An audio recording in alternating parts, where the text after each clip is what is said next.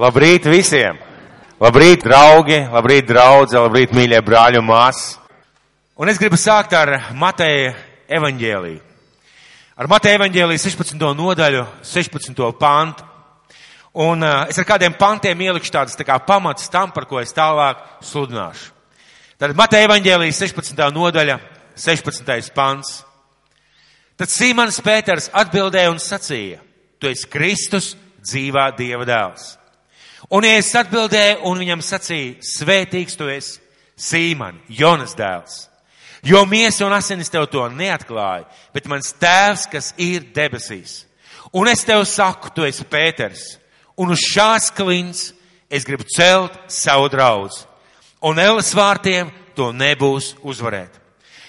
Pirms mēs runājam tālāk, es gribētu likt uzsvaru uz to, ka šeit jāsaka uz šīs klints, uz šīs atklāsmes. Nevis uz Pēteri, jo tad iznāk, ka draudz ir celta uz cilvēku. Bet uz šīs atklāsmes, uz šīs klīns, ka Jēzus ir Dieva dēls, Jēzus, es celšu savu draudz. Un šīs atklāsmes celtā draudzē būs tā, kuru Ēles vārtiem nebūs uzvarēt. Tātad Ēles vārdiem nebūs uzvarēt.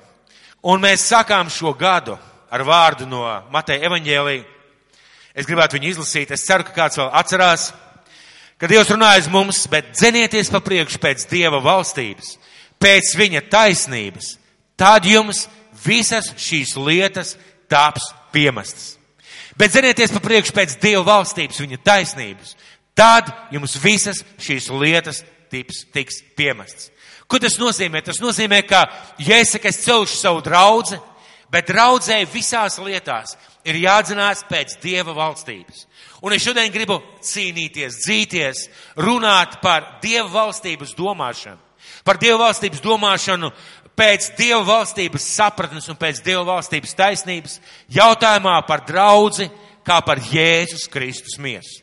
Par draudzi kā par Jēzus Kristus miesu. Un mēs esam daudzkārt lietojuši šos vārdus un teikuši, draudze ir Jēzus Kristus miesa. Un ļoti bieži mēs varbūt tā neiedziļinamies, ja nepadomājam, ko šie vārdi varētu nozīmēt. Un, uh, ir daudz dažādas mācības un idejas un uzskatu uh, cilvēkiem par draudz. Ir vēsturniekiem uzskats par draudz. Viņi skatās vēsturi visā tās garumā. Ir katra cilvēka personiskais uzskats, kā cilvēki domā par draudz, kas ir draudze. Ir uh, draudz locekļu uzskats, kas ir draudze. Ir neticīgi cilvēku uzskats, kas ir draudze. Dažādi uzskati, bet kādai mācībai, jeb kādai sapratnē, jeb kādam, kādai atklāsmē mums, Dievu bērniem, vajadzētu būt, kas ir draudz. Kādai atklāsmē un kādai sapratnē mums vajadzētu būt jautājumā, kas ir draudz.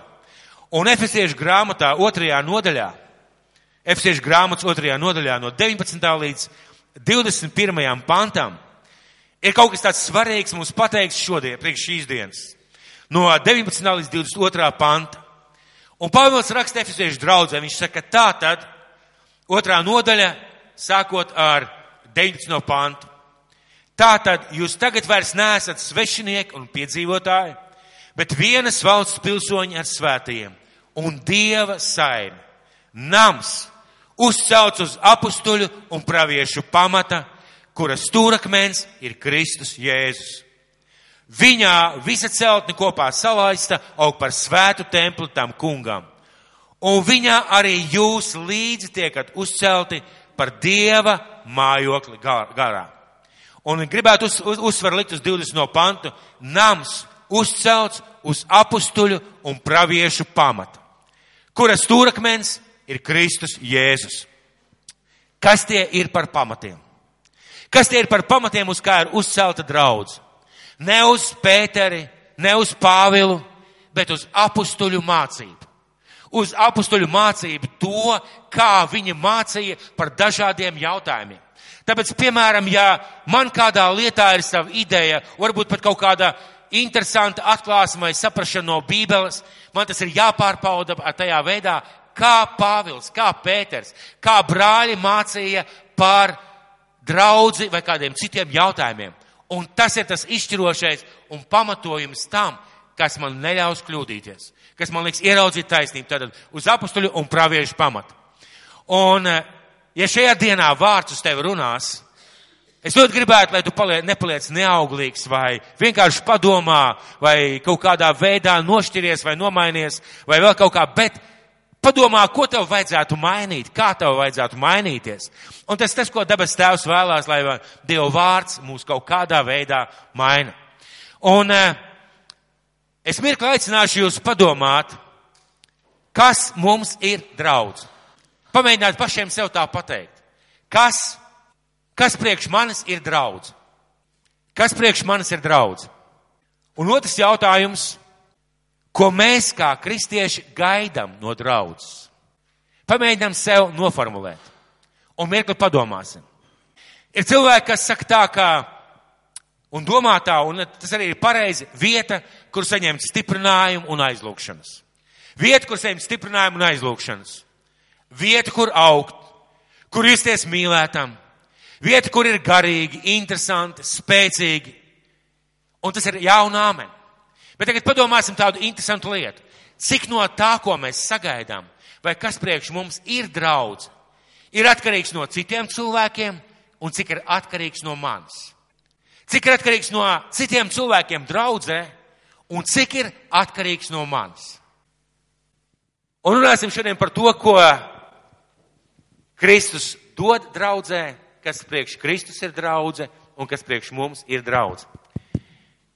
Es mācījos savā laikā autoskolā par autoremontu šoferu, par šoferu autoremontu atslēdznieku pirms armijas. Bija tā doma, ka armijā varētu braukt ar mašīnu. Un eh, es neesmu pārāk tehnisks cilvēks. Pēc profesijas esmu galvenieks, bet es neesmu pārāk tehnisks cilvēks, lai redzētu kaut kādas schēmas savā galvā. Un tad bija ļoti interesanti, kad uh, mums vajadzēja no, uh, kārtot eksāmenus par, par, tātad par dzēšēšanas sistēmu, par, par barošanas sistēmu, par brēmšu sistēmām. Jūs ziniet, tie, kas ir mācījušies kādā tādā veidā skolā, apmēram saprot, un diezgan sarežģīti. Bet bija viena, vienas vērtīga lieta, kas ļoti svarīga izrādījās eksāmenu. Tu kārto, mācies, mēģini izprast un mēģini papētīt mašīnu, bet visi jau tiekšā neredz. Bet kas bija ļoti svarīgais, kad varēja nokārtot eksāmenus, un ziniet, dažiem eksāmenā tai pašā laikā arī man atnāca atklāsme, piemēram, par, par dzēsēšanas sistēmu. Ziniet, kādā veidā es viņu sapratu? Jo eksāmena kārtošanas klasē bija schēmas jeb tabulas. Un uh, es skatījos šo te dzēsēšanas sistēmas schēmu, un es vienkārši teicu to, ko es tur redzēju, kas kur aiziet, kas kur kā notiek, piedomāju kaut ko klāt, un pasniedzējs teica, Ziniet, Sadovski, man nelikās, ka jūs tik labi zinat, bet acīm redzot, jūs mākat skatīties tajā kartē. Un tā bija taisnība. Ne tikai izglāba man eksāmenu, es sapratu beidzot, kā tas strādā. Un es šeit esmu palūdzis uzlikt bildi. Ziniet, tas ir cilvēks. Cilvēks cilvēku uzbūve, un, protams, varbūt ne viss tur ir parādīts, jo vēl ir nervi, um, teiksim, asins, šitie asins dzīves, dažādas citādas lietas, bet lūk šāda skaista bilde, kas ir cilvēks. Kā izskatās cilvēks? Cilvēks sastāv no ļoti, ļoti daudz dažādām daļām. Daudz dažādām lietām, kauliem, dzīslām, nerviem, šūnām, dažādām lietām. Pat rokas sastāv no kauliņiem, ādas, locītavām, tur nagiem, vis kaut kādām lietām. Ārkārtīgi daudzām lietām. Un kas ir svarīgi? Dievs ir veidojis cilvēku. Un Dievs ir cilvēku izveidojis tā, lai cilvēks varētu pilnvērtīgi funkcionēt un pilnvērtīgi dzīvot. Cilvēkam nav nekā lieka. Daži saka, ka ir esot kaut kas liekas. Es negribētu domāt, ka Dievs cilvēku radot kļūdījās. Vienkārši, hop, kaut kas ne tā, kā vajadzēja. Cilv Dievs radīja cilvēku pilnīgu. Pilnīgi, un par to saka arī zinātnieki. Un šodien es gribētu runāt par to, ko svētais gars atklāja Bībelē par to, kas ir draudze, kā draudze funkcionē, kā draudze darbojas, un kā mums kā draudzes locekļiem skatīties uz draudzi un kā ieraudzīt sevi tajā kontekstā un kā pareizi izprast draudzes zināmā mērā kaut kādu darbību. Un es aicinu jūs visus atšķirt. Aicināšu visus atšķirt. Pirmā vēstule korintiešiem. Pirmā vēstule korintiešiem. 12. nodaļa. Tātad pirmā, Pāvela pirmā vēstule korintiešiem. 12. nodaļa. Sākot ar 12. pantu. Nodaļas iesākumā Pāvils runā par dāvanām. Viņš runā, ka dažādas dāvanas, dažādi aicinājumi, tad viņš min kādu 7. pantā kādu ļoti svarīgu lietu. Un šī 7. pantā šī svarīgā lieta ir tāda, bet ikvienam ir dota gara izpausme, lai nestu svētību. Ko nozīmē ik viens? Ko nozīmē ik vārds ik viens? Vārds kaut pilnīgi viss. Pilnīgi visiem ir dota gara izpausme, lai nestu svētību. Nav neviena cilvēka, kurš varētu te, sēdēt draudzē un teikt, man Dievs ir apdalījis, es te nevaru atrast vietu, es nevaru atrast, ko man darīt, jo katram ir, ir šī dota šī gara atklāsme, lai, svarīga, lai nestu svētību. Un sāksim no 12. panta. Jo kā miesa ir viena, un tā ir daudz locekļu, bet visi daudzie miesas locekļi kopā ir tomēr viena miesa, tā arī Kristus. Jo arī mēs visi esam vienā garā kristīti par vienu miesu. Gan jūdi, gan grieķi, gan vergi, gan brīvie, un mēs visi esam dzirdināti ar vienu garu. Jo arī miesa nesastāv no viena, bet no daudziem locekļiem. Ja kājas sacītu, tā kā es neesmu roka, es nepiedaru pie miesas. Tomēr tā piedar pie miesas. Un ja auss sacītu, tā kā es neesmu acs, tad es nepiedaru pie miesas. Tomēr tā piedar pie miesas. Ja visa miesa būtu acs, kur paliktu dzirde? Ja visa miesa būtu dzirde, kur paliktu oža? Bet Dievs locekļus ir nolicis miesā ikvienu savā vietā, kā viņš gribēja. Bet ja tie visi būtu tikai viens loceklis, kur paliktu miesa? Bet tagad ir gan daudz locekļu, bet viena miesa. Acis nevar sacīt rokai, man tevis nevajag. Vai atkal galva nevar sacīt kājām, man jūs nevajag. Bet taisn tie miesas locekļi, kas liekas esam nespēcīgākie, ir sevišķi vajadzīgi. Bet, ja kas miesā izliekas mazāk cienījams, tos mēs ietērpjam sevišķā godā. Un mūsu nepieklājīgie locekļi dabūs sevišķu godu, bet pieklājīgajiem tas nav vajadzīgs. Bet Dievs miesu ir tā sastādījis, ka mazāk cienītam loceklim piešķīris lielāku cieņu lai neceltos miesā šķelšanās, bet lai locekļi saticīgi gādātu cits par citu. Un kad viens loceklis cieš, tad visi cieš līdzi. Vai kad viens loceklis top godāts, tad visi locekļi priecājas līdzi. Bet jūs esat Kristus miesa un katrs par sevi locekļi.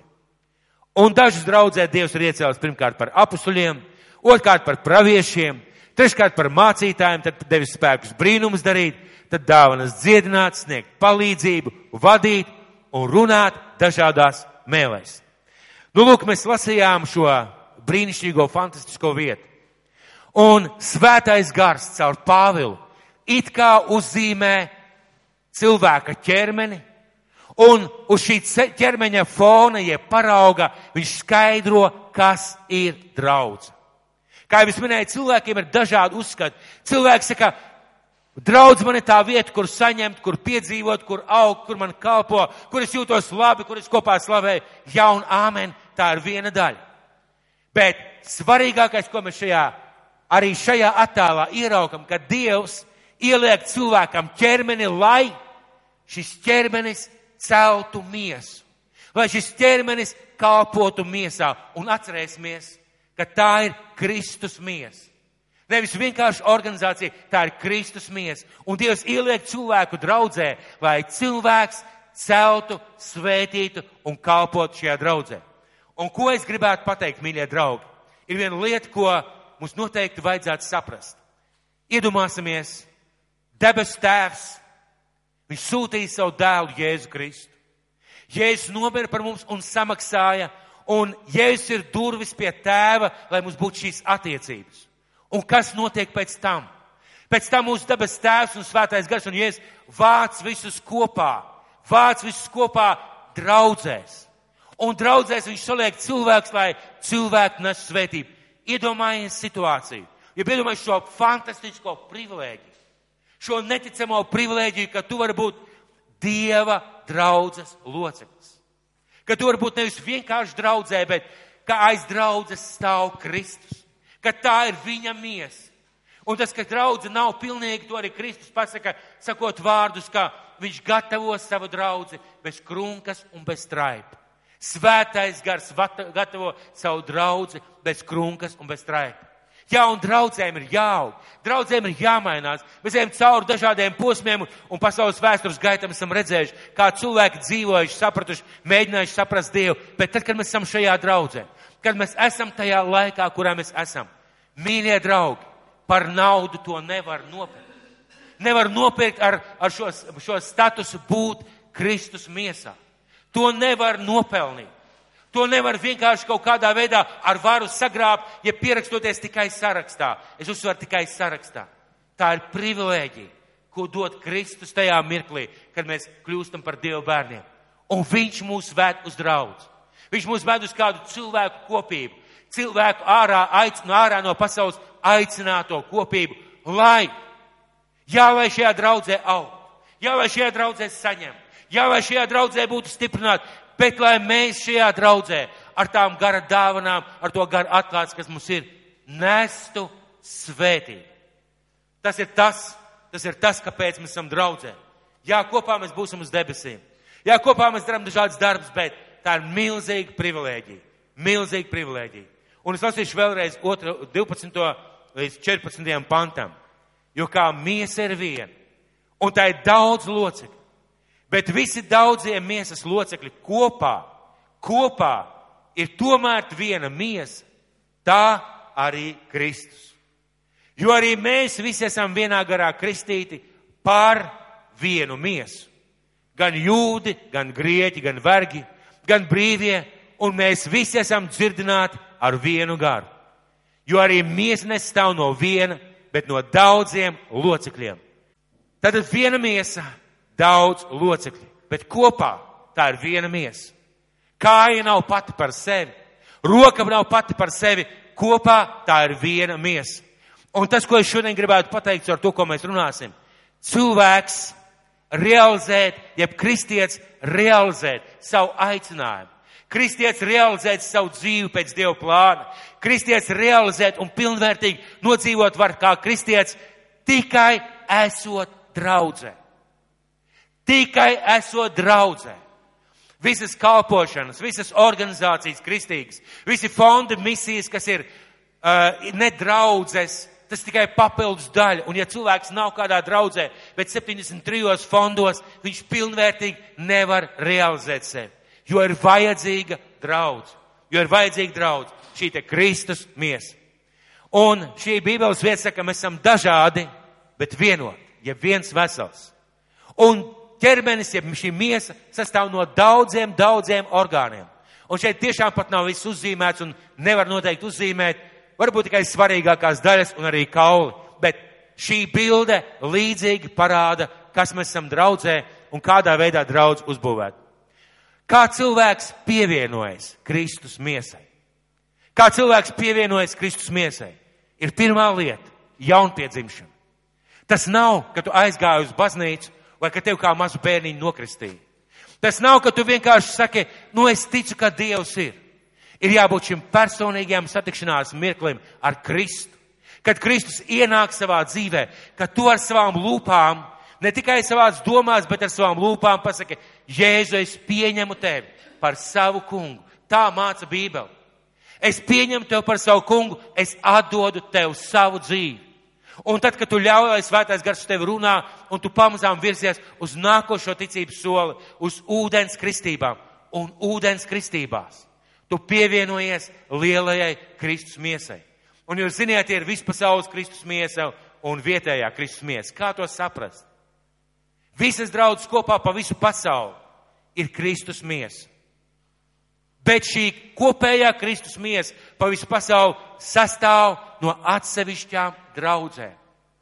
No atsevišķām draudzēm, no Latvijas draudzes, no draudzes Saldu, Liepājā, Valmierā, Kuldīgā, no draudzes Losandželosā, Amerikā, visos štatos un visā pasaulē. Kopējā draudze sastāv no vietējām draudzēm. Un cilvēkam ir jābūt vietējā draudzē. Tu nevari nest svētību Kalifornijā, esot Latvijā un nekalpojot ar savu garu. Tu nevari nest svētību, jeb gara atklāsmi, jeb savu dāvanu, jeb pievienošanos, tad, ja tu esi atrāvies no ķermeņa. Bībele skaidri pasaka, cilvēkam ir jābūt draudzē. Kā cilvēks pievienojās vietējai draudzē? Vispirms garīgi. Vispirms garīgi, kad Dievs ieved cilvēku draudzē. Kad Dievs kaut kādā veidā runā, iet uz turieni vai uz turieni, vai kad Dievs uzrunā cilvēku, un cilvēks sajūtās, šīs ir manas mājas. Un cilvēks saprot, ka šī ir viņa vieta, kur viņš gribētu būt, kur gribētu augt, kur gribētu kalpot. Un šeis, šī sajūta ved uz nākošo soli. Uz nākošo soli cilvēks iet pie vadības un saka, kā var iestāties jūs draudzē. Un parasti tas ir iesniegums, ko cilvēks uzraksta. Bet rakstot šo iesniegumu, cilvēks pasaka, es ar sirdi esmu pievienojies šai draudzē. Un es vēlos piederēt viņai. Ir cilvēki, kuri nekad neuzraksta iesniegumā, neiestājas draudzē un uzskata sev par draugu locekļiem, lai Dievs viņus svētī. Bet es nedomāju, ka tas ir pareizais veids. Jo ziniet, kāpēc? Tas ir tāpat kā laulībās. Jā, grau, stāšanos draudzē ar laulībām nevar laikam salīdzināt tā pilnvērtīgi, bet tas ir diezgan līdzīgi. Mēs dzīvosim kopā, mums būs kopēji bērni, mēs kopā dalīsim naudas maku, bet laulāties mēs neiesim, jo kas to var zināt? Kas to var zināt? Kurā mirklī es pēkšņi izdomāju, ka tomēr tu neesi mana otrā pusīte? Un līdzīgi ir arī, bet cilvēkiem ir jāsaprot, vai es gribu būt šajā draudzē vai negribu. Un tad cilvēks uzrakst šo iesniegumu. Sakiet man tādu lietu. Un eh, šī kārtība ir tāda, kā tajā draudzē ir. Reizēm cilvēks saka, kurā vietā Bībelē Jānis tur redz, ka ir rakstīts iesniegums.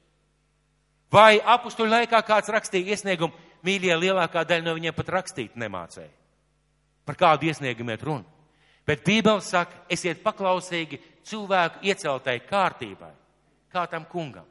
Jo, ziniet, sabiedrība mainās. Nemainās jau princips.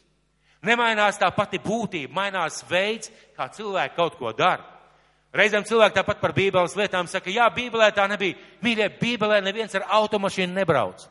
Un mēs taču nevienam nepiedāvājam braukt ar ezelīti vai iet ar kājām, pareizi. Bībelē bija pirmā draudze bija Jeruzalemes teritorijā. Mēs taču nesakām, īstā draudze ir Jeruzalemē pārējie pa Latviju vai citā pasaules valstīs. Nav draudz, nemīļie draugi.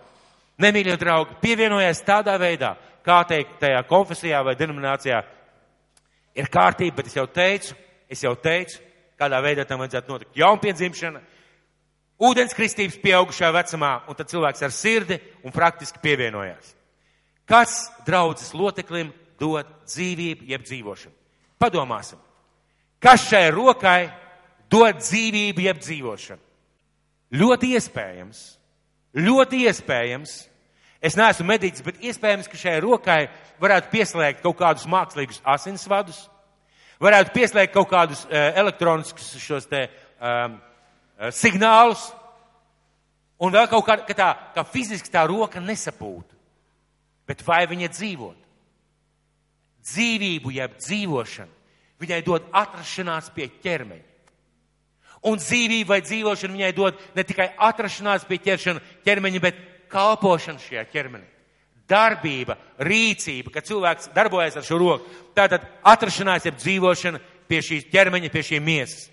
Fiziski tas ir dzīslas, asins, muskuļi, kauli, nervi, kas savieno šo roku. Bet, ja mēs skatāmies garīgi, kas garīgi? Garīgs dod cilvēkam iespēju atrasties pie Kristus miesas. Ja pilnvērtīgi cilvēks ir pievienots, ja cilvēks ir pilnvērtīgi pievienots ar sirdi, Jo mēs zinām, ka tu vari būt kādā vietā, bet tev sirds var būt ļoti tā. Pilnvērtīgi, ja šis cilvēks ir draudzē ar sirdi. Otrā lieta, ja šis cilvēks ir draudzē ar garu, vienā garā. Un svarīgi saprast, mēs nebūsim vienādi. Mēs nedomājam vienādi par makšķerēšanu. Mēs nedomājam vienādi par, par, par, par karstumu vai par augstumu. Mēs nedomājam vienādi par mašīnām vai par apģērbu. Mēs nedomājam vienot, vienādi bet vienoti vienā garā. Tā kā Bībele māca tādā Kristus garā. Un fiziski, ja es regulāri apmeklēju draudz, ļoti svarīgi, ja es fiziski kalpoju šajā draudzē, nes svētīgi kā ķermeņa loceklis. Un, ja mēs padomājam par tādu lietu, ja cilvēks regulāri neapmeklē draudz, un viņš saka, piedalot tā un tā draudzē, man ir liels jautājums. Vai tu piederi šeit draudzē? Jo Kristus nekad nav mācījis par falso. Viņš nekad nav mācījis par, uh, par kaut kādu neīstu. Viņš runā par īstu. Un viņš saka, ka īsta pievienošanās ir ar sirdi, ar garu un arī ar savu miesu, kad tu kalpo šajā draudzē. Ja mēs neesam pilnvērtīgi pievienoti Kristus draudzē, ar sirdi, ar garu un fiziski, mēs nespējam augt. Jā, ir kaut kāds laiks, kad cilvēks varbūt kaut kādu apstākļu dēļ meklē savu draugu. Meklē savu draugu, mēģina saprast, kura viņa draudz. Tas ir normāli, tas ir sakarīgi. Cilvēki maina dzīves vietas, notiek kaut kādas situācijas, kas varbūt ir neparēdz, neparedzētas. Bet ja mēs neesam pie draudzes, mēs nespējam augt garīgi. Nespēj. Šeit tā interesantā lieta, mēs varam domāt, es spēju augt garīgi, pilnveidoties, pie kaut kādā veidā kalpot Dievam, bet paskatieties uz šo ķermeni. Ja mēs kādam pajautātu, vai roka mazam bērnam, ja viņa būtu noamputēta, vai viņa var augt, viņa nevar augt. Viņa neizaugs lielāk. Viņa nebūs pilnvērtīga. Un tieši tāpat arī mūsu dzīvē, ja mēs neesam pievienoti pilnvērtīgi draudzē, mēs nespēsim augt. Jo ziniet, kur ir augšana? Es vēlāk runāšu. Augšana ir arī, kad tu kalpo citiem vājībās. Skatieties cilvēkiem, kuriem, piemēram, nestrādā kājas. Nestrādā kājas, viņiem problēmas ar staigāšanu. Viņiem ir stipras rokas. Viņi ar rokām pārvietojās. Cilvēkiem, kuriem nav redzes, viņiem ir attīstījusies stipra auss, stipra dzirde. Viņi ļoti labi dzird, vai taisni otrādi. Tātad kalpošana pie miesas ir tas, kas dod mums šo dzīvību. Ja mēs neesam tādā veidā piemē, pievienoti, mēs sākam izdzist. Mēs sākam it kā izdegt, it kā atrofēties. Ja roku nelok, ja roku nelok, kā jūs domājat, cik ilga roka e, paliks kustīga? Patiesībā ļoti ātri. Izrādās, ka cilvēki, kuriem kaut kādas operācijas vai slimības, viņi ir uh, slimnīcās, kaut kādiem iemeslu dēļ neroka, nelokās roka vai kāja vai vēl kaut kas. Pēc tam ir vesela rehabilitācijas programma, lai sāktu locīt. Esmu redzējis cilvēku, kurš ir no austrumu mācībām, viņam rokas stāv šitā. Desmitiem gadu. Šādā veidā. Un viņš vairs nevar to roku pat izteikt, pat ja gribētu. Šeit viss ir pārkaulojies, ja pārkaļķojies. Tātad kas, ja mēs neesam pilnvērtīgi pievienoti, mēs it kā izdziestam, it kā atrofējamies, un mums sāk likties, draudz ir slikti. Patiesībā vaina ir manī. Un mums, kas notiek tādās gadījumos, mums sāk nepatikt cilvēki, sāk nepatikt draudze, mēs sākam piekasīties draudzē, mēs sākam aprunāt, kritizēt, atturēties no draudzes. Ja auss nefunkcionē, pamazām viņa kaut kādā veidā tomēr atrofējas. Tas pats notiek arī garīgi. Kādā veidā var atrasties pievienots pie draudzes? Tad bībeliskā veidā pareizā, dzīvību nesošā un tādā veidā, ka tu redzi, tas cilvēks ir draudzē. Ka gar, cilvēks garā ir šeit. Un svarīga lieta, ko Dievs man runāja šajā, šajā laikā, es ieraudzīju vienu lietu, kā mēs sevi varam pārbaudīt. Kur ir mans altārs? Kur ir tas altārs, kur es sev pienesu, ja pienesu tādus garīgus ziedojumus? Vai tā ir kāda organizācija ārā? Vai tie ir kādi cilvēki ārā? Vai tā ir draudze, kurā es esmu? Kur ir mans altārs? Kur es pienesu garīgus ziedojumus, jeb kur es iegūstu patieso prieku? Tas ir pareizā veidā un nepareizā veidā. Ja cilvēks nav pievienots draudzēji, redzamais var pat būt, bet garā cilvēks ir citur. Tas altārs ir uzbūvēts kaut kur citur. Un svarīgi ir ieraudzīt, kas grib, lai mēs tādā veidā dzīvotu. Kas tas grib, lai mēs, atra, kas grib, lai mēs būtu atrauti no miesas? Kā jūs domājat, kas grib, lai mēs būtu atrauti no miesas? Neviens negrib teikt to slikto vārdu, ja? Mūsu ienaidnieks, vēlns. Jo ziniet, kāpēc? Viņš arī redz mūs tieši tādā pašā veidā, garīgā pasaulē, garīgā pasaulē. Un viņš zina, ja viņš dabūs tur starp tiem kauliem uz pleca kaut kādu pārāvumu, ja viņš dabūs kaut kādu ķīlu tur iekšā vai aizdomas, dusmas, nepatika vai vēl kaut kas, tu pamazām sāks atrauties un tu vairs nespējas funkcionēt. Ja tu nespējas funkcionēt pamazām, tava sirds apaugs ar lietām, kas tev vedīs projām no draudzes, un lai kā tu teikt, es turos pie Dieva, nav iespējams turēties pie Dieva, neturoties pie draudzes. Jā, draudzes var būt dažādas, bet nav iespējams turēties pie Dieva, neturoties pie draudzes. Vēlns to grib, un ziniet vēl kādu, kādu lietu, kas grib. Mūsu vecā, egoistiskā, lepnā un paštaisnā miesa, kurai kādreiz mēs kalpojām, kura kādreiz kalpoja mums, viņa grib būt pati par sevi. Un tad svētais gars runā par nepareizām domāšanām, kas mēdz būt kristiešiem. Nepareizas domāšanas, kas ir nepareizi, nebībeliski. Un pat ja man viņa liekas diezgan interesanta, tā ir nepareiza, nebībeliska, ne, ne apustuļu mācības balstīta. Un lūk, šajā vietā tālāk rakstīts 15. pants. Ja kāja sacītu, tā kā es neesmu roka, es nepiedaru pie miesas. Tomēr tā piedar pie miesas. Un ja auss sacīt, tā kā es neesmu acs, tad es nepiedaru pie miesas, tomēr tā piedar pie miesas. Un pirmā šī nebībeliskā domāšana ir nepilnvērtības domāšana. Cilvēki reizēm domā, ka viņi ir nepilnvērtīgi un uh, viņi salīdzina, jeb šķiro, tas cilvēks ir tāds, tas ir tāds, tas ir tāds, es tāds nesmu, un cilvēks tā kā tādu nepilnvērtības sajūtu, es neesmu draudze, jo es neesmu tāds. Es neesmu draudzes loceklis, jo es neesmu tāds. Un iedomāsimies, kā izturētos kāja, ja tā domāt. Kā izturētos kāja, ja tā domāt. Ķermenis grib doties kaut kur, jā, ja? bet kāja saka, nē, nē, nē, nē, nē, nē. Šitā mie, es neesmu mies, es neesmu, es neesmu otra kāja vai es neesmu ķermenis. Es palieku šeit pat. Iedomājieties tādu situāciju, jā. Ja? Es palieku tepat. Mums mašīnām reizēm riteņi aizskrien pa priekšu mašīnai. Esmu redzējis tādus gadījumus, ka brau, cilvēks brauc un ritenis aizripo garām. Mums tā nevarētu notikt. Bet ja, ja, ja kāja saka, es neesmu roka, tad es nepiedaru. Tā ir tāda mazvērtības domāšana, kas ir cilvēku dzīvē reizēm, un, ziniet, pat zinām, tāda, tāda veida tāda aizvainojuma domāšana. Es neesmu tāds, tāpēc es nepiedaru. Un cilvēks atturās. Cilvēks kaut kādā veidā izvairās. Cilvēks jūtās tā kā apvainojies, tā kā nošķīries, un uh, viņš turās atsevišķi. Man ne, un cilvēkiem parasti nepatīk tāds stāvoklis. Cik ilgi jūs varat atrasties sabiedrībā, kas jums nepatīk? Nu, ļoti ilgi jau laikam nē, jā. Ja? Kaut kā nepatīk, nav ērti, visi tādi garīgi vai pārgarīgi vai taisni otrādi, visi tādi negarīgi, es viens garīgais un ko tad es te vispār darīšu. Reizēm cilvēki tā domā, un tā ir nepareiza domāšana. Un Pāvils saka, tomēr tā pieder pie mies. Mums ir jāierauga ka tomēr tā pieder pie miesas. Un svētais gars saka, viss ir svarīgi, viss ir vienādi, bet svarīgi ir ieraudzīt, ka katram ir sava funkcija. Un ka tieši savu funkciju cilvēks var realizēt, esot pie miesas. Un tad, kad visi izpilda to, kas viņam būtu jādara, tad ir vesela Kristus miesa. Kā būtu, ja ne, ar nieras atsakās? Ziniet, ir cilvēki, kuriem atsakās nieras kalpot. Patiesībā tā ir vesela traģēdija. Atsakās nieras, cilvēks vairs nav darba spējīgs. Cilvēks vairs nevar daudz ko izdarīt. Viņam sākās cita veida problēmas, kas notika atteicās vienkārši nieres.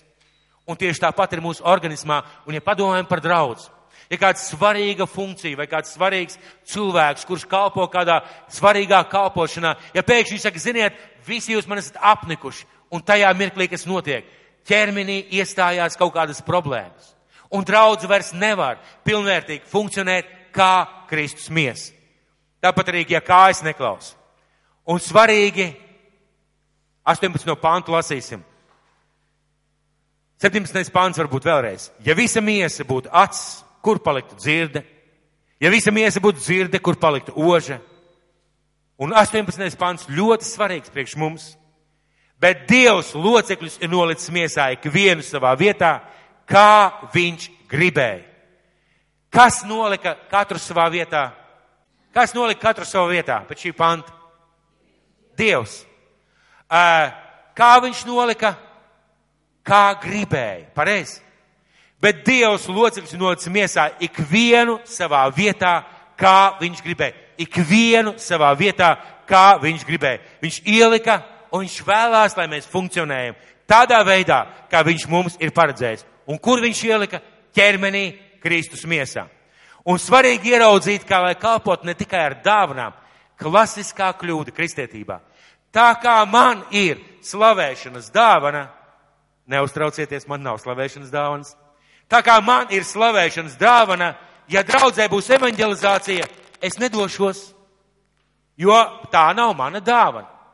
Tā kā mana dāvana, pieņemsim, nav saimnieciskā kalpošana, un es tā īsti neko skrūvēt, sist naglas sienā neprotu, tad, lai draudzē notiek tā, ka es mājās sēdēšu un sirsnīgi lūkšu Dievu. Sakiet man lūdzu, vai kādam ir sāpējušas rokas pēc tam, kad vēderiņam ir gribējies ēst? Kad vēderam ķermenim gribās ēst, kādam pēc tam rokas ir sāpējušas? Labi, paskaidrošu, nepareizi teicos. Tātad, mums bieži vien, kad mums gribās ēst, strādā rokas, pareizi? Un pēc tam tās rokas, diemžēl, sāp, bet vēderiņš ir paēdis. Ja ja ķermenis grib nokļūt mājās kaut kur, bet tu esi tālu gabalu aizgājis un mašīnas un trolēbus nav. Kas pēc tam sāp? Kājas, pareizi.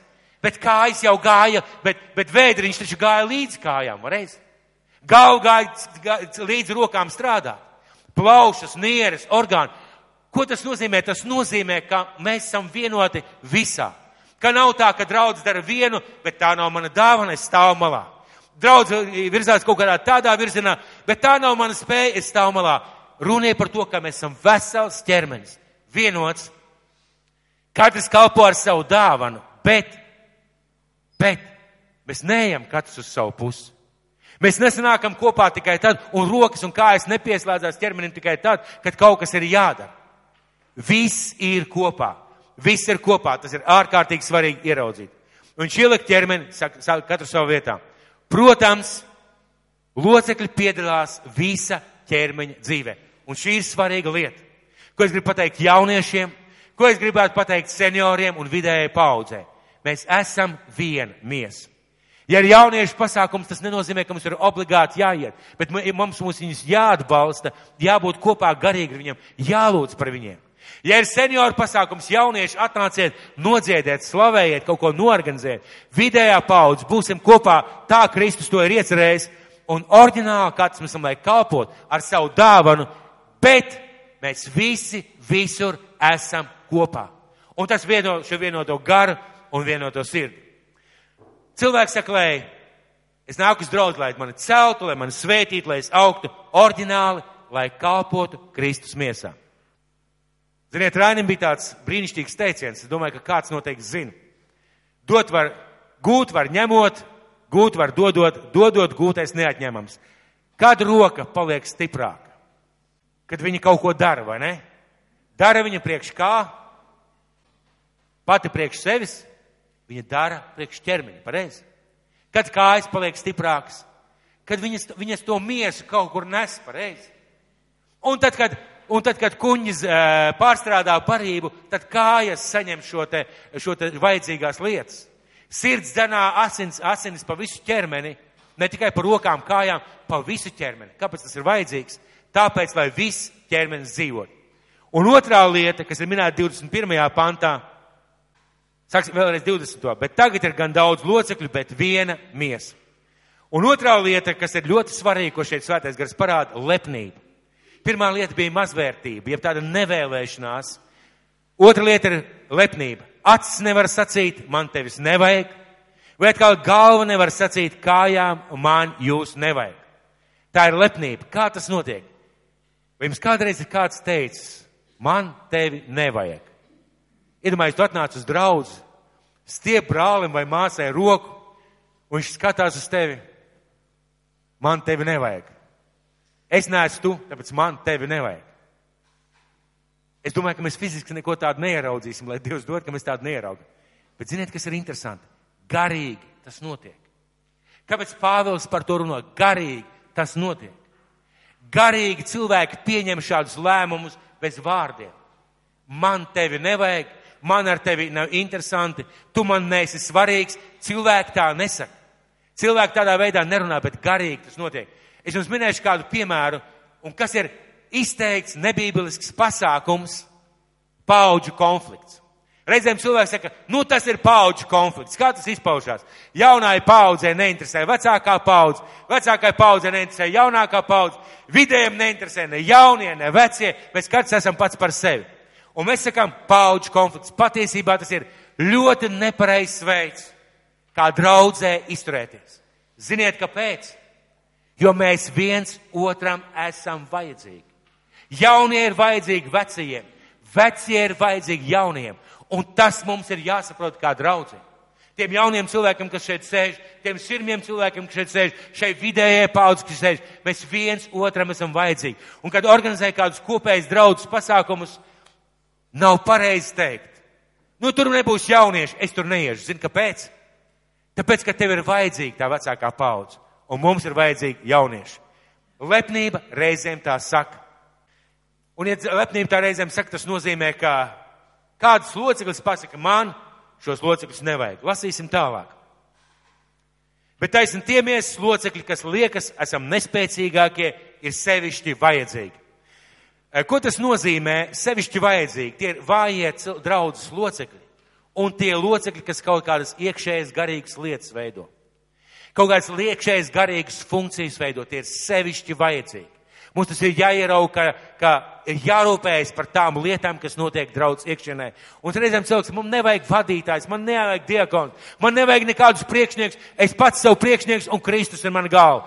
Bībele saka, ka mums taisni tie sevišķi ir vajadzīgi. Neviens no mums nepateiks, man nav vajadzīgs kuņģis, vai man nav vajadzīgs sirds, vai man nav vajadzīgs smadzenes. Neviens nepateiks, veselīgi domājuši cilvēks. Bet reizēm cilvēki tā izturās, un šī Bībeles saka, taisni tie ir sevišķi vajadzīgi. 23. Bet kas mūsu miesā izliekas mazāk cienījams, tos mēs ietērpjam sevišķā godā. Un mūsu nepieklājīgie locekļi dabūs sevišķi godu. Bet pieklājīgiem tas nav vajadzīgs. Par ko šeit viņš runā? Viņš runā par draudzes vājajiem locekļiem. Par tiem cilvēkiem, kas draudzē varbūt nav tik pilnvērtīgi. Par tiem cilvēkiem, kas varbūt nav tik gudri, nav tik spējīgi, nav tik zinoši. Par tiem cilvēkiem, kuriem varbūt ir sāpes, ciešanas vai kādas problēmas dzīvē. Dievs saka, jums viņi ir vajadzīgi. Un vajadzīgi kāpēc, lai jūs viņus celtu, lai jūs ieģērbtu viņus sevišķā godā, lai sevišķi par viņiem rūpētos. Ko tas nozīmē? Tas nozīmē, ka mēs neviens plikailis nestaigājam. Pareizi. Neviens pliks nestaigājam. Mēs ietēpjam savus nepieklājīgos locekļus sevišķā godā, sevišķi parūpējamies. Rokām, plaukstām, piemēram. Sejai nav vajadzīgs nekas. Ja nu vienīgi 35 grādu salā, tu dodies makšķerēt, blitkot uz ezeru. Tad tev ir vajadzīga tāda maska, kur tev ir tikai acis. Bet šajā vietā Pāvils saka, kāpēc? Jo viņiem arī bija problēma. Viņiem arī visi katrs par sevi, katrs rullē, un Pāvils saka, mīļie draugi, lūk jums. Svētais gars jums māca, jums ir vajadzīgs locekļi visi savā viesā.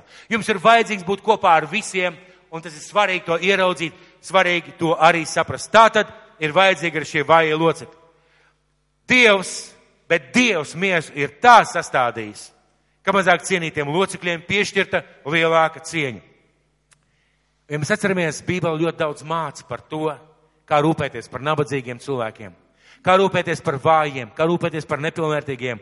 Un šeit ir viena interesanta lieta. Kā jūs domājat, garīgs cilvēks, tas, kurš daudz zina, daudz, daudz atklāsmes saņēmis, vai daudz kaut kādas uh, uh, gudras grāmatas izlasījis vai pabeidzis augsts bībeles skolas, viņš var būt garīgs cilvēks, bet ziniet, kā jūs pārbaudīsiet viņa garīgumu. Ja viņš neteiks, jūs visi tādi negarīgie, man ir īstā atklāsme, jūs man nesat vajadzīgi. Vai ja viņš nerūpēsies par cilvēkiem taisnu otrādi, Bībele saka, Bībele saka, un vienā vietā Dievs saka, es meklēju cilvēku, kas iestāsies plaisā. Dievs saka, ka viņš meklē cilvēku, kas būs garīgs, kas būs pieaudzis, kas būs nobriedzis, lai iestātos plaisā, jeb vājajā vietā. Lūk, garīgs cilvēks nevis dodas projām no draudz, kā reizēm cilvēki to dara. Nevis atstāja savu draugu un dodas projām zilā stāvēt, Bet, ja tā ir viņa draudz, viņš nes svētību, viņš kaut ko pacieš, viņš nokāp no saviem augstumiem, viņš atliek kaut kādus jautājumus malā, lai nestu svētību un lai celtu tos, kas nav tik spēcīgi. Tā ir Kristus mācība, un Kristus tā ļoti skaidri un stipri mācīja. Kāpēc? Lai neceltos miesā šķelšanās, bet lai locekļi saticīgi gādātu cits par citu. Jo, ja katrs domā par sevi, ir vienā, vienīgi šķelšanās. Ja jaunieši domā par sevi, ir šķelšanās. Ja vecākā paudze domā par sevi, ir šķelšanās. Ja vidējā paudze domā par sevi, ir šķelšanās. Ja garīgie savācās kopā, mēs tāds garīgs pulciņš, un tie pārējie tie jau nesaprot, tā ir šķelšanās. Ja vājie savācās kopā, nu mēs jau tādi vājie, tie stiprie tur tādi un šitādi, tā ir šķelšanās. Bet Dievs saka, bet viņš salicis katru savā vietā, devis katram savu uzdevumu, lai necelto šķelšanās, bet lai locekļi saticīgi gādātu cits par citu. Un kad viens loceklis cieš, tad viss cieš līdzi. Es domāju par šo vietu. Parasti mēs domājam tā, ja kādam cilvēkam ir problēma, tad visi iestājās. Āmen, pareizi, taisnība. Un es gribu pateikt milzīgi paldies visiem, kas atbalstīja, kas iestājās uh, saistībā ar manu, manu, manu, manu, manu mašīnu. Visiem paldies milzīgs par to, ka jūs atbalstījāt, ka šī nasta, šis mašīnas remonts nebija jānes mūsu, mūsu ģimenei vieniem pašiem. Tiešām milzīgs paldies! Un tas patiesībā ir tas veids, kā Dievs vēlās, lai mēs nesam viens otru. Tātad, ja viens cieš, viss cieš līdzi, ja plūd līdzi. Bet ir vēl viena lieta, ko es gribētu jums pateikt. Ja norai nestrādā roka, pieņemsim, lai Dievs svētī visu mūžu un vēl vairāk. Ja norai nestrādā roka, viss ķermenis cieš. Ja kādam nestrādā kāja, viss ķermenis cieš. Un te ir divas, divas tā kā pozīcijas. Viena pozīcija, es jūtu līdzi kādam, kuram neiet tik labi, kā vajadzētu. Bet otra lieta, ja es pats izraisu to, ka man neiet tā, kā man vajadzētu, cieš viss ķermenis. Iedomāsimies situāciju, kā pieņemsim šodien šajā dievkalpojumā, vienkārši nestrādāt mikrofons. Vienkārši nestrādā mikrofons. Emīls ir saslimis, Kristiāna aizgājusi kaut kur ciemos, Danielai pēkšņi koncerts. Kas ciest? Visi. Un droši vien visvairāk es esmu kādreiz runājis bez mikrofona. Es zinu, ar ko tas beidzās. Trīs dienas klusuma. Un Bībele šeit saka, kad viens ķermeni loceklis cieš, visi cieš līdz, jeb iestājās, palīdz, atbalsta, it kā izpildās funkcijas, kas būtu jāizpilda, bet tas nav viegli. Tas nozīmē, ka mums kā draudz ķermenim ir jābūt vienotiem un tādā veidā jāskatās. Uh, tālāk, kad viens loceklis tiek godāts, tad visi locekļi priecājas līdzi. Nu, pieņemsim, pieņemsim, Jolantai kāds uzdāvināja mašīnu. Lai Dievs svētī Jolantu. Lai Dievs svētī, kāds tev uzdāvinātu mašīnu. Un ziniet, kas ir interesanti? Esmu dzirdējis bezgalīgi daudz stāstus. Tam mācītājiem uzdāvināja mašīnu. Skaties, ko? Nu gan! Un Bībele saka, kad viens tiek svētīts, priecājieties līdzi. Ko vēl tas nozīmē? Tas nozīmē, ka ja Jolantai iet labi, visa draudze ir svētīta.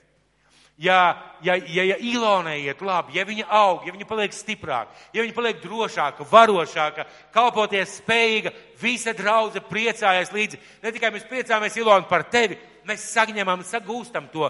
Tieši tāpat, ka ja cilvēkam stipras rokas, stipras kājas, stipras nervas, stipri nervu sistēma, stipri, nezinu, uh, asinsvadi, viss ķermenis tiek svētīts. Ķermenis var ļoti daudz ko izdarīt. Ko tas nozīmē? Visi priecājās līdzi. Bet jūs esat Kristus miesa un katrs pats par sevi locekli. Un, ja es atkal atgriežos pie tās bildes, varētu vēlreiz parādīt to bildi. Tāds izskatījās Ādams. Tātad visi ķermeņa locekļi savā vietā, visi viens par otru gādā, visi rūpējās, iet palīgā viens otram, ja kaut kāds vājība vai nespēks. Un tādā veidā tā ir Kristus mies, kas tiešām, tiešām funkcionē. Un ziniet, un lūk, tādai draudzei, Tādai draudzēji svētais gars saka vēstulē Efeziešiem. Pirmajā nodaļā, 19. pants. Bet cik pārlieku liels ir viņa spēka mērs, kas parādās pie mums ticīgajiem darbodamies tādā pašā vispēcības varenībā, kādu viņš parādīs Kristu to uzmodinādams no miroņiem un sēdinādams pie savas labās rokas debesīs. Augstāk par ikvienu valdību, varu un spēku, kundzību un ikvienu vārdu kas tiek minēts vai nu šī laikā, vai nākamajā. Un visu viņš ir nolicis zem viņa kājām, bet viņu pašu visās lietās iecēlis par galvu draudzēji, kas ir viņa miesa, pilnība, kas visu visur piepild. Lūk, šāda bilde, ko svētais gars uzzīmē caur rakstiem. Un ieraudzīsim katru savu vietu šajā bildē. Jo nav neviena lieka. Mums var likties, ka mēs esam lieki. Mums var likties, ka draudze nav tāda. Mums var likties, ka es jau tā kā nezinu vai nevaru. Patiesībā katram ir dota šī gara izpausme, lai nestu svētību. Ja cilvēks ir pievienojies ar sirdi, ja cilvēks pievienojas ar savu garu, un ja cilvēks pievienojas ar miesu, tad tāda draudze visu visur piepilda. Un kas tiek pagodināts? Dievs, nemācītājs, pat ne draudz, pat ne cilvēki draudzē. Kristus tiek pagodināts. Un lūk, kāpēc mums ir jāiestājās, lūk, kāpēc mums ir jādarbojās, lūk, kāpēc mums ir jābūt pilnvērtīgi pievienotiem Kristus miesai. Un mēs esam aicināti ieraudzīt tā Kristus miesu. Mēs esam aicināti tādā veidā dzīvot, domāsim tā, skatīsimies tā uz lietām un izturēsimies tā, ka tā ir mana draudz. Lai Dievs jūs svētī! Lai Dievs svētī visus, kurus nogurdināja mana runa, lai viss Dievs svētī visus, kuri, kuri kaut ko saņēma, lai Dievs mūs svētī. Mēs esam tādā veidā uzbūvēti un tādā veidā aicināti.